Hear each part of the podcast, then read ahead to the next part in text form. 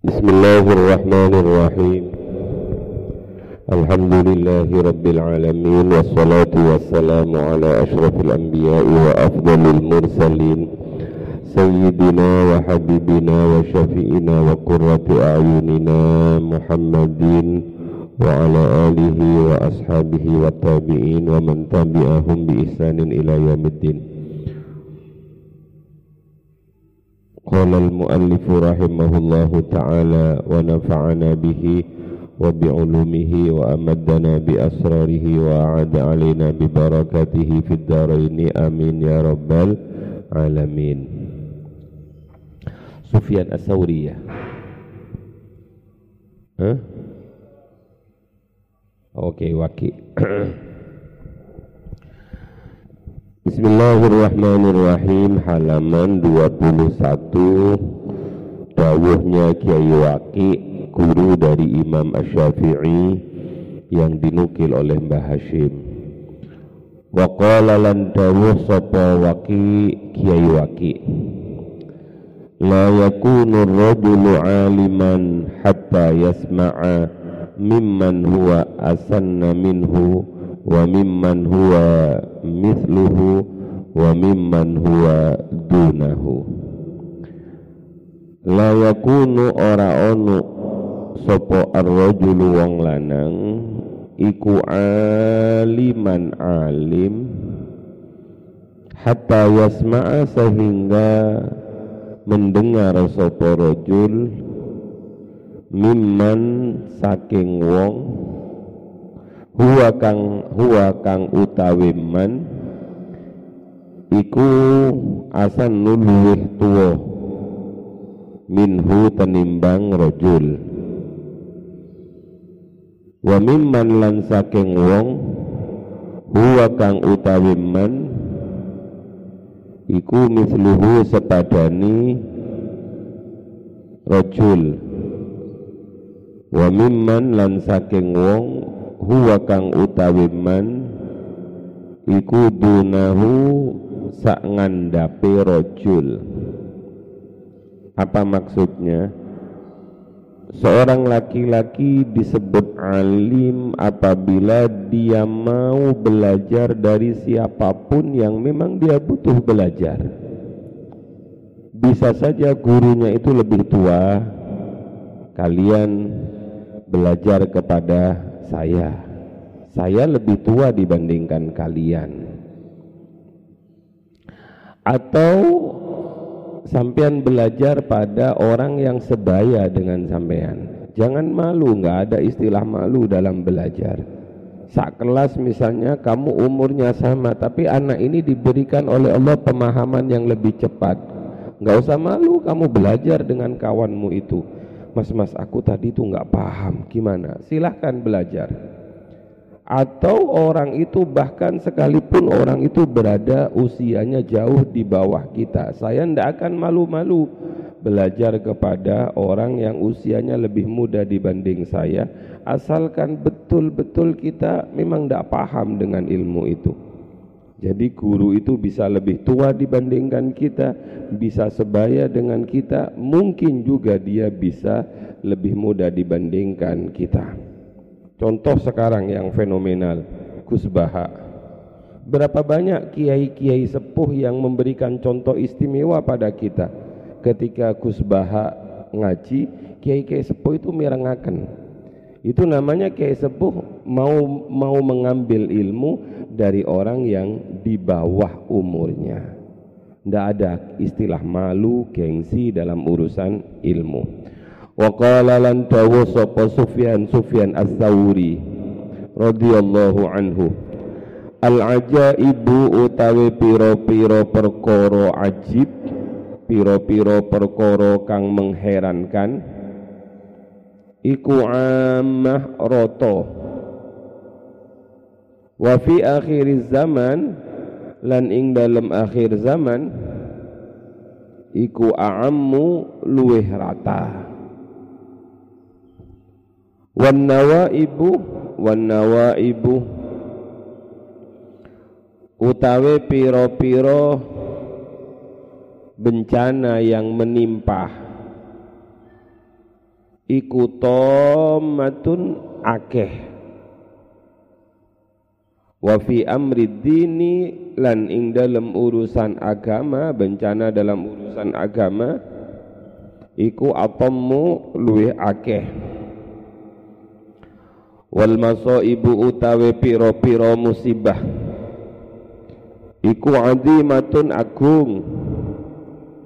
Setiap musibah itu berat. Tapi wa mautul ulama utawe mati ni piro-piro wong alim iku a'dhamu luwe agung. Terbesar adalah musibah ketika ada orang alim wafat. Kenapa? Wa innal alima karena sak temeni wong alim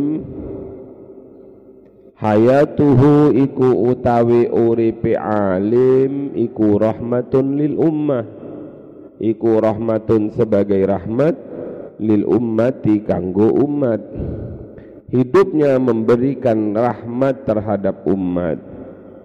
Wa mautuhu utawi mati ni wong alim fil islami ing dalam islam iku sulmatun iku sulmatun ndadekake bolong yang tidak bisa ditambal. Sulmatun wa fil muhtar as-sulma ay al khalal fil haid wa ghairihi bolongan di tembok iku sulmatun ake bolongan atau cacat yang tidak bisa ditambal. Itu orang kalau alim mati itu siapa yang bisa menggantikan posisinya? Ndak ada. Ndak ada. Mbah Hashim Ash'ari begitu beliau wafat siapa yang bisa menggantikan Mbah Hashim? Murid-muridnya ndak ada yang bisa menggantikan Mbah Hashim Duriyahnya nggak akan ada yang bisa menggantikan bolongan yang ditinggalkan Mbah Hashim. Mbah Wahab wafat, Mbah Fatah wafat, Mbah Yai Basari Alwi wafat, Mbah Maimun wafat, siapa yang bisa menggantikan? Enggak ada yang sepadan dengan beliau. Ia menggantikan, menggantikan tapi tidak bisa menutup bolong celah yang ditinggalkan oleh beliau. Sulmatun Zulmatun namanya. Kita lihat hadis sahih.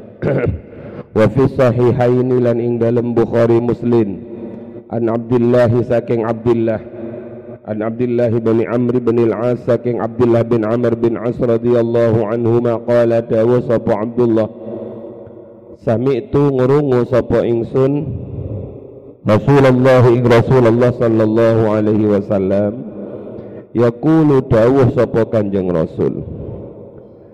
Dawuhnya Kanjeng Nabi innallaha la yaqbidul ilma intiza'an yantasi'uhu minan nas walakin yaqbidul ilma biqabdil ulama.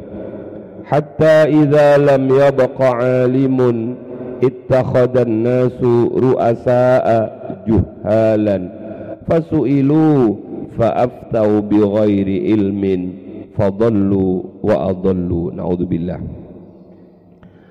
Inna Allah Allah iku la yaqbidu orang jambut sapa Allah orang mundut sapa Allah al ilma ing ilmu intizaan kelawan sak cabutan ilmu digulung langsung tidak. Tapi yantazi'u nyabut sapa Allahu ing ilmu minan nasi saking menungso. Walakin yaqbidul ilma walakin lan tetapi ni yaqbidu mundut atau nyabut sapa Allah al ilma ing ilmu biqabdil ulama'i kelawan mundut piro-piro wong alim hatta idza lam yabqa hatta sehingga idza lam yabqa nalaikani ora tersisa. Sapa alimun wong alim. Ittakhadha mungko ngambil atau menjadikan. Sapa annasu menungso masyarakat. Ruasa ing piro-piro pemimpin. Juhalan kang bodoh-bodoh ilu mongko den takoni sapa ru'asa fa'aftau nuli paring fatwa sapa ru'asa bi ilmin kelawan tanpa ilmu.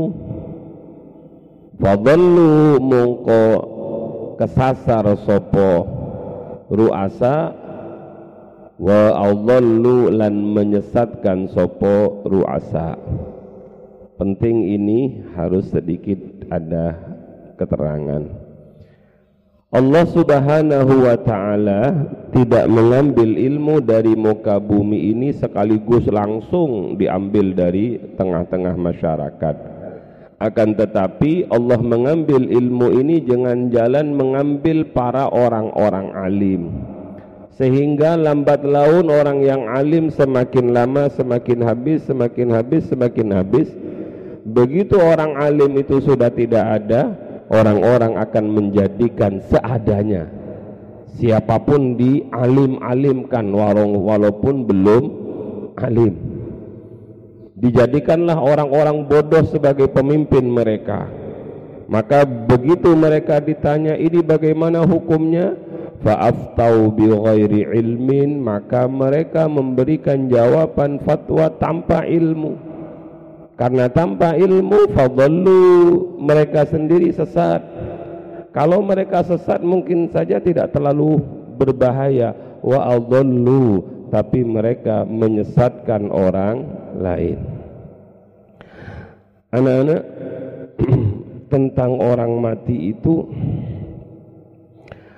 Rasulullah Sallallahu Alaihi Wasallam pernah dawuh kalau orang mati itu kita harus susah ukuran keimanan seseorang itu apakah orang itu beriman dengan iman yang sempurna? Ataukah orang itu terjangkit dalam hatinya sifat-sifat munafik? Salah satu ukurannya adalah ketika dia mendengar ada orang alim mati. Mbah Maimun kapundut Mbah Yai Basari Alwi kapundut Ibu Nyai Yohanit Nur Salim ibundanya pun Kusbaha kapundut Bahyai Sahal kapundut, kiai-kiai sepuh kapundut. Kalau ada kedengaran kabar kiai sepuh yang alim, yang wirai, yang zuhud, wafat, lantas hati kita tidak ada kata-kata sedih dalam hati kita. Kita tidak susah dengan matinya orang alim itu, maka kita termasuk orang-orang yang sudah memiliki karakter sifat munafik kata kanjeng Nabi.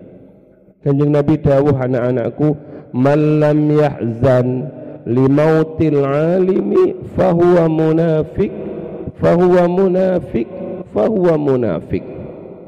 Man lam yahzan siapa pun orangnya yang tidak susah tidak sedih tidak ikut merasa kehilangan limautil alimi akan matinya seorang yang alim fahuwa munafikun munafikun munafikun maka orang itu adalah orang munafik. Munafik munafik diulang tiga kali oleh baginda Nabi. Maka sudah seyogyanya tanpa kita rasakan begitu kita mendengar Bah Maimun wafat tak terasa seluruh santri itu merasa nangis kehilangan. Begitu Bahya Abdullah Fakih wafat semua santri bukan hanya langitan semuanya merasa kehilangan. Begitu Mbah Idris Marzuki wafat semua merasa sedih semua merasa pernah menjadi santrinya. Itu berarti hati kita masih ada iman. Kalau sudah tidak susah dengan matinya orang orang alim naudzubillah wal billah fahuwa munafik munafik munafik yang pertama Kanjeng Nabi dawuh mautul alimi musibatun la tujbaru wa sulmatun la tusaddu wa najmun tumisah mautu qabilatin aisaru min mauti alimin. Mautul alim matinya orang alim musibatun la tujbaru sebuah musibah yang tidak bisa ditambal. Wa sulmatun la tusaddu dan sebuah bolongan yang tidak mungkin bisa ditutup. Wa najmun tumisah dan bintang yang redup. Mautu qabilatin matinya orang sak qabilah. Matinya orang sak kampung aisaru mim mauti alimin. Itu lebih ringan dibandingkan matinya satu orang alim. Maka mautul alim mautul alam. Matinya orang alim itu adalah matinya alam. Maka mari kita berdoa. Mudah-mudahan para kiai-kiai sepuh yang masih ada Mbah Yai Jamal, Mbah Yai Nasir, Mbah Yai Miftahul Ahyar, kiai-kiai yang masih betul-betul ngopeni, ngayomi, mendidik santrinya oleh Allah diparingi umur panjang yang barokah. Oleh Allah diparingi umur panjang yang barokah. Oleh Allah diuduk diparingi umur panjang yang barokah. Al-Fatihah. Kita sekarang masih berada di masa yang masih banyak orang-orang alim masih banyak orang-orang yang pintar, masih banyak orang-orang yang ahli ibadah, masih banyak orang-orang yang zuhud. Maka ayo bareng-bareng semangat melakukan apa yang menjadi wasiat Rasulullah sallallahu alaihi wasallam. Rasulullah itu pernah dawuh begini, khudul ilma qabla ayyadhabah. Ambillah ilmu sebelum ilmu itu pergi. Di depan para sahabat saat itu Rasulullah bilang ambillah ilmu, ambil, ambil, ambil sebelum ilmu itu pergi. Maka qalu para sahabat bertanya, "Wa kaifa yadhhabu al-ilmu ya Nabi Allah?" Bagaimana ilmunya pergi? Bagaimana cara ilmu itu pergi wahai kan nabinya Allah? Maka kanjeng Nabi dawuh, "Inna dihabal ilmi sesungguhnya perginya ilmu ayyadhaba hamalatahu. Ayyadhaba hamalatahu. Dengan perginya si pembawa ilmu itu. Kalau si pembawa ilmu yakni orang alim itu pergi maka ikut pergi pula lah ilmunya. Siapa hari ini yang alimnya sama seperti Mbah Hashim Ash'ari? Tidak ada Siapa yang hari ini alimnya seperti Mbah Yai Sahal Mahfud tidak ada. Maka ketika tujuh harinya Mbah Yai Sahal Mahfud itu ada seorang ulama yang e, memberikan testimoni.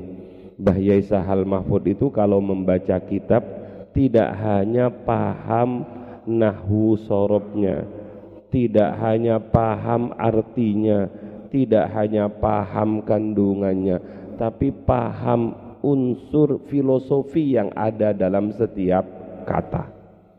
Luar biasa begitu beliau wafat begitu beliau tindak ya tindak pula lah ilmunya. Maka selagi kita masih berdekatan dengan orang-orang alim jangan pernah capek jangan pernah ada kata malas untuk terus mengambil ilmu-ilmu beliau. Hadis ini rawahu ad-dailami. Anak-anakku Ibnu Katsir dalam tafsirnya menukil sebuah syair yang sangat indah. Al-ardu tahya idza 'asha 'alimuha. Al-ardu tahya idza 'asha 'alimuha. Mata yamut 'alimun minha yamut tarafu Kal ardi tahya idza mal ghaithu halla biha fa in aba ada fi aknafiha at-talafu apa artinya? al ardu tahya idza asha alimuha bumi ini akan hidup selagi orang-orang alim masih berada di muka, di muka bumi ini mata yamut alimum minha yamut torfun maka ketika ada orang alim mati di muka bumi ini maka satu kepingan dari bumi itu itu juga ikut hancur. Kal ardi tahya idza mal ghaithu halla biha. Seperti bumi dia akan subur dia akan hidup selagi air hujan menetesi bumi tersebut. Wa in aba akan tetapi apabila air itu sudah membangkang tidak mau turun maka ada fi aknafiha at-talafu akan muncul di permukaan bumi itu kegersangan. Jadi alim itu seperti air yang jatuh kepada bumi. Sudah itu tentang orang-orang yang alim. Berikutnya, fasal berikutnya, faslun. Jami'u ma dzukira Jami'u ma dzukira min fadlil ilmi wa ahlihi tinggal seminggu lagi kita sudah tidak ngopi pagi gitu. Jami'u ma utawi sakabehani perkara zukira kang dintutur apa ma bayani ma min fadlil ilmi saking keutamaani ilmu. Wa ahlihi lan ahlini ilmu. Semua yang sudah disebut sebelumnya yakni keutamaan ilmu, keutamaan orang alim iku innama huwa angin pastini. Iku innama huwa angin pastini utawi ma iku fi haqqil ulama ing dalam hake piro-piro wong alim al-amilina bi ilmihim al-amilina kang padha ngamalake bi ilmihim kelawan ilmu ni alim ini khusus lu untuk orang alim yang mau mengamalkan ilmunya. Al-abrari al-muttaqin al-abrar kang podo bagus-bagus. Al-muttaqin kang podo takwa-takwa kabeh. Tidak sembarang orang alim lu, tapi orang alim yang al-amilina bi ilmihim al-abrari al-muttaqin. Rupani alladzina wong akeh qasadu kang nejo sapa alladzina bihi kelawan ilmu tujuan dari ilmu yang ia cari ilmu yang ia miliki adalah wajhallahil karim. Wajhallahi ing ridani Allah al karim kang moho mulia. Satu wazulfa ladaihi. Wazulfa lan mendekat marek ladaihi marang ngarsani Allah. Jadi tujuannya adalah liwajhillahil karim wazulfa ladaihi bijannatin na'im wazulfa lan marak ladaihi ing dalam sandingi Allah bijannatin na'im ing dalam sorgani Allah an-na'im goni kenikmatan. Laman hati-hati laman tutuk wong Qasada kang nejo sapa man bihi kelawan ilmu bukan untuk orang-orang yang alim di mana tujuan dari mencari ilmunya itu adalah aghradan dunyawiyatan. Aghradan piro-piro tujuan. Naudzubillah. Dunyawiyatan kang bangsa duniawi. Apa itu? Contohnya minjahin au malin au mukatharatin fil adba wa talamid ya Allah minjahin bayani minjahin saking pangkat. Lapo sampean kuliah lapo sampean sekolah lapo sampean mondok ben duwe pangkat. Au malin utawa bondo untuk menghasilkan harta. Hartanya sudah ada mungkin. Atau au mukatsaratin fil ajba untuk memperbanyak follower gitu ya eh, netizen. Lapa ben akeh subscribe. Ben akeh netizen nih. Ya naudzubillah wal billah Yes, kamu ngaji gak usah saya dibilang ibu ngaji ngaji bang gak usah lihat berapa yang berapa apa namanya? Apa namanya? Eh, gak usah, gak usah. Itu nggarai atimu kotor. Uh, au muka sarotin fil adba atau ake-akean follower gitu ya. atau ake-akean uh, yang ngelek gak usah gak usah nak. Golek nge-like jangan lupa di subscribe uh, itu biar untuk nisa sabian saja itu. Orang alim nggak butuh itu. Makanya Gus itu nyantai saja berapa yang nge-like beliau. Sis dai sejuta. Sudah sudah sudah sudah. Mukasaratin fil adba. Urusan itu urusan Allah. Banyak pengikutmu banyak santrimu. Watalamid ake-akean murid. Dan ake murid itu sudah serahkan saja kepada Allah Subhanahu wa taala. Nanti kalau kalian pulang ke rumah kalian ingat wasiatnya Abah Jamal ini. Ingat betul. Kalau kalian pulang ke rumah kalian ngajar ngajar. Gak boleh santri al-amanah gak ngajar. Gak boleh santri al-fatah gak ngajar. Gak boleh alumni gak ngajar. Harus ngajar harus ngajar ngaji. Karena itu wasiat dari Abah Jamal, wasiat dari almarhumah ibunya Haji Huriyah, ngajar ngajar. Sekalipun berapa orang kudu ngajar, keberkahanmu ada di ngajar itu.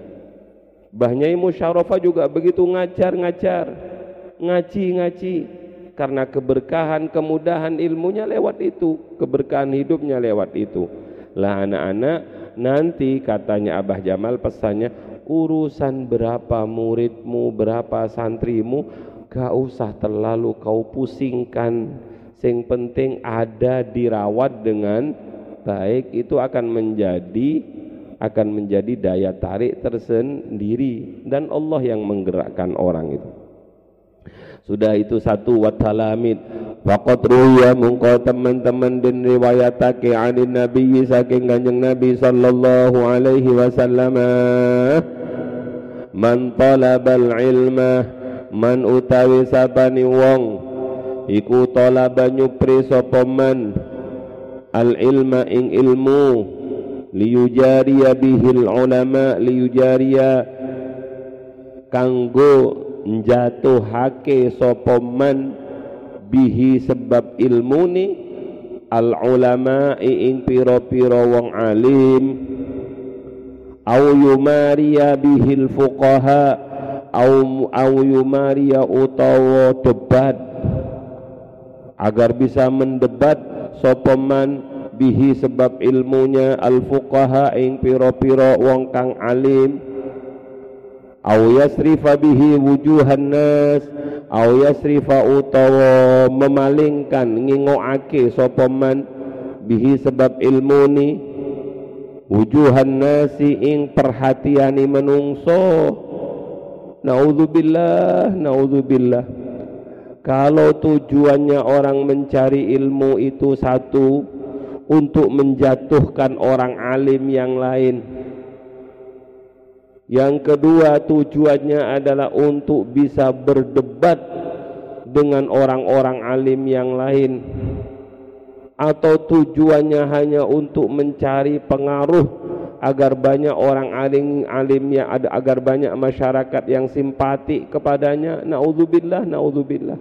Dawuh pun kanjeng nabi masa kita enggak percaya pada dawuhnya kanjeng nabi Dawuhnya kanjeng Nabi orang yang salah dalam tujuannya mencari ilmu itu adkhalahu Allahu finnari na'udzu billah. Adkhala mungko nglebokake sapa hu ing man sapa Allahu Allah finnari ing dalem neraka. Rawahu at-Tirmidzi Berarti tidak boleh abah debat dengan orang itu lo lihat-lihat kondisi. Kalau ada orang ngomongi sembarangan dulu wa adallu kamu diam ya jangan. Cacing-cacing itu ulama anjing-anjing itu ulama. Ya kamu diam ya dikira oleh masyarakat itu yang betul. Maka ada ada orang di kampung itu ojo macam-macam nang PT iku lho alim dia ini ulama dia. Lah kalau ada orang yang salah seperti ini orang alim harus keluar membenarkan dengan niat memberikan penjelasan yang benar. Bahyai Marzuki bukan niat debat beliau tapi beliau niat menjelaskan mana yang ben benar makanya orang-orang NU itu pekerjaannya uh, ngurusi yang salah-salah itu terus. Ono wong ngomong sembarangan ngene ngene ngene aduh kok ngene masyarakatnya gimana nanti itu. Datanglah kiai memberikan penjelasan. Boleh begitu itu. Tapi enggak terus tak enggak terus menerus berdebat kepanjangan. Datanglah Bahyai Miftahul Ahyar datanglah Kusbaha datanglah Habib-Habib yang menjelaskan mana posisi sebenarnya dulu pernah ada orang yang mengatakan asari sujud itu adalah batuknya ono irenge itu, itu adalah asaris sujud sehingga eh, orang-orang yang batuknya hitam itu min asaris sujud. Habib Novel kemudian datang memberikan penjelasan bahwa yang disebut asaris sujud itu bukan itu. Dikeluarkan kitab ini, kitab ini, kitab ini, itu namanya mencerdaskan masyarakat. Sebab sekarang banyak sudah orang yang dolu wa adullu maka gilirannya itu ngersi masyarakat. Nggak apa-apa begitu. Bukan untuk berdebat tapi meluruskan. Rawahu at-tirmidzi saya khawatir kalian salah. Engkau di kampungmu ada orang ngomong salah di tengah masyarakat. Kamu diam. Jangan. Biarkan. Nanti kita berdebat. Masuk neraka kita gara-gara ber. Jangan niati debat tapi niati meluruskan pemahaman yang benar. Sebagaimana Abuya Sayyid Maliki menulis buku Al-Mafahim. Buku mafahim yang ingin menjelaskan tentang akidah-akidah yang benar yang sahih.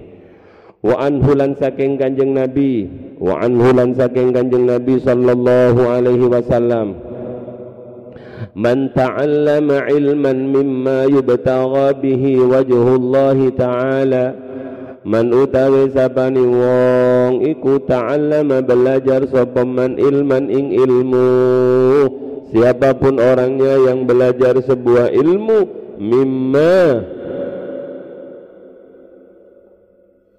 mimma saking perkara yubtaga kang den goleke bihi kelawan ilmu wajhullahi apa wajhullahi ridani Allah Seharusnya belajar ilmu itu adalah yubtagha bihi wajhullah. Tapi kemudian kata Kanjeng Nabi ada saja yang salah.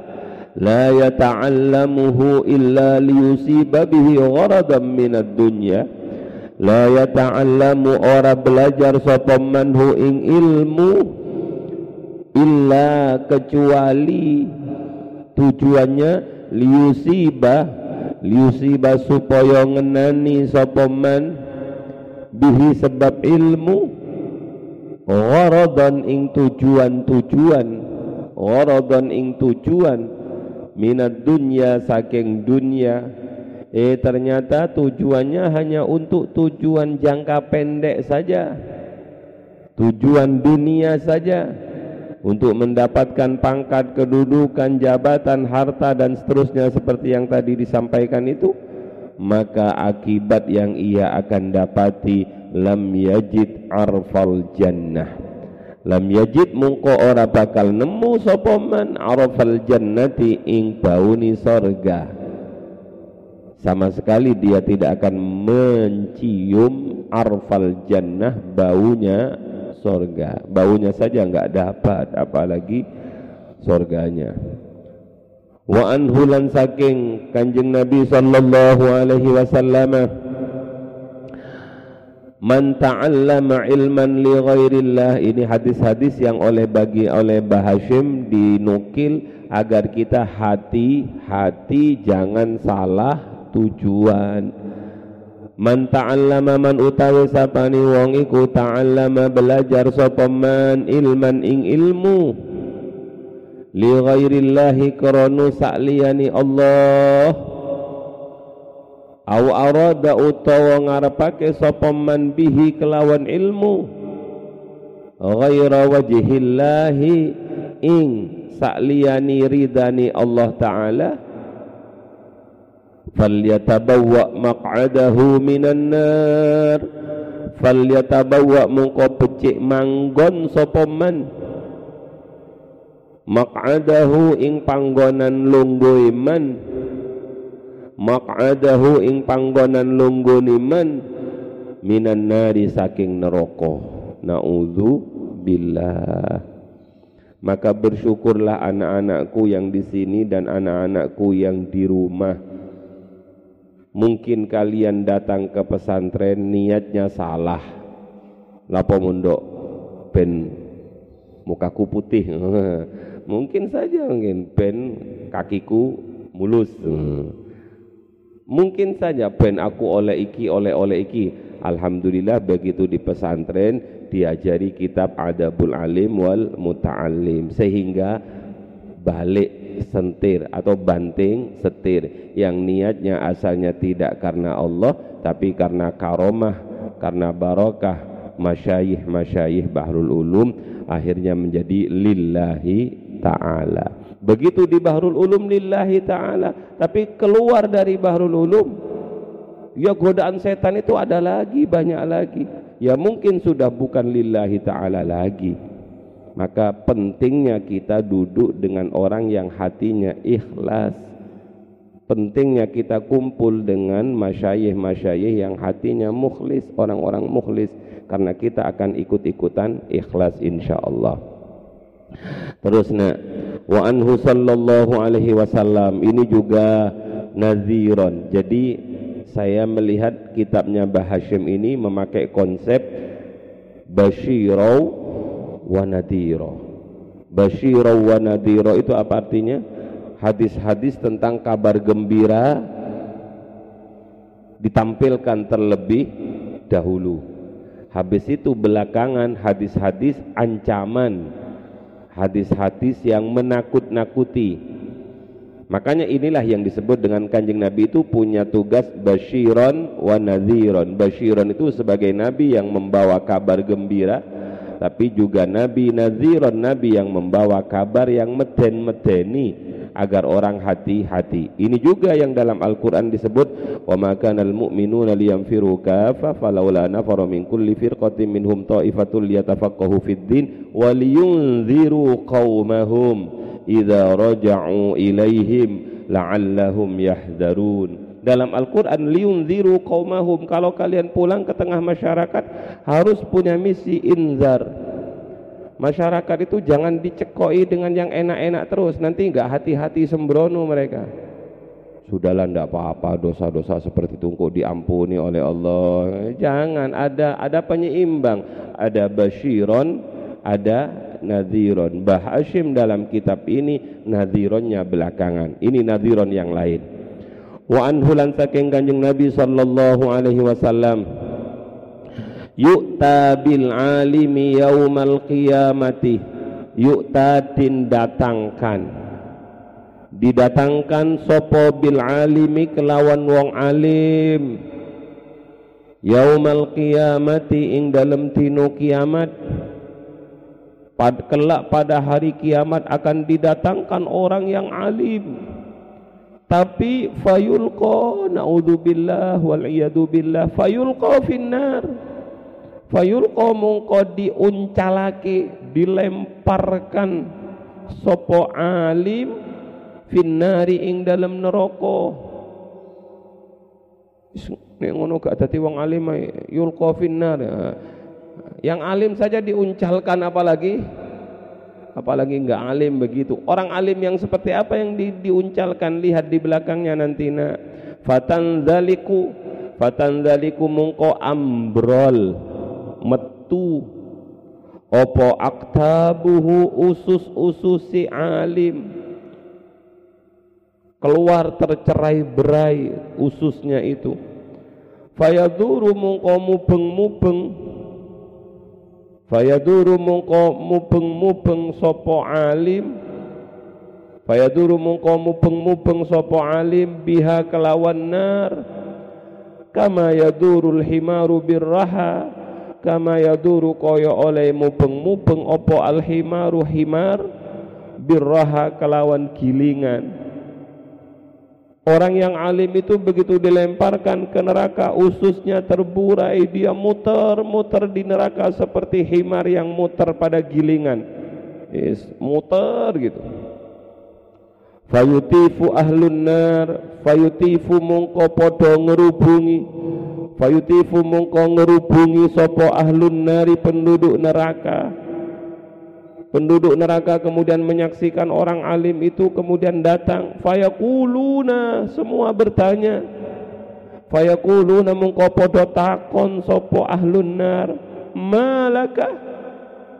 Ma utawe nopo iku laka kedue sira? Orang-orang di ahli neraka itu mengatakan lo kiai sampean kan kiai kesampean kan orang terkenal. Lapo sampean kok mubeng-mubeng nang kene? Itu ditakoi. Salah tempat kiai bukan di sini tempat kamu di sana. Ini tempat kami orang-orang jelek. Malaka apa yang menyebabkan kamu datang ke sini? Fayaqulu mungkon jawab sapa alim.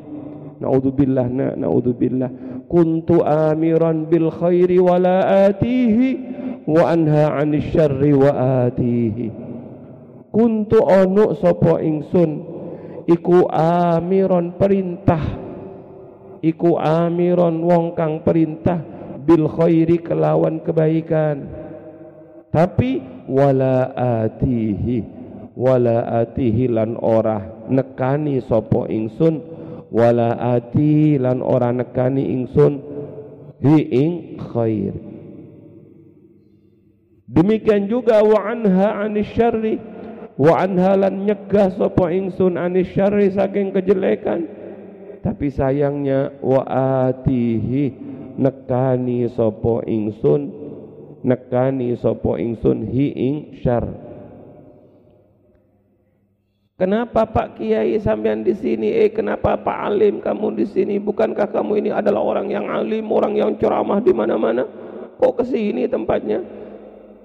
Kemudian dia berkata, "Kuntu amiran bil khairi wala atihi wa anha 'anil syarri wa atihi." Iya celaka, saya celaka. Dulu ketika di dunia saya memerintahkan orang untuk berbuat baik, tapi saya tidak berbuat kebaikan itu. Dulu di dunia saya melarang orang berbuat jelek tapi saya sendiri melakukan perbuatan itu. Inilah yang dalam bahasa Al-Qur'an sindiran Allah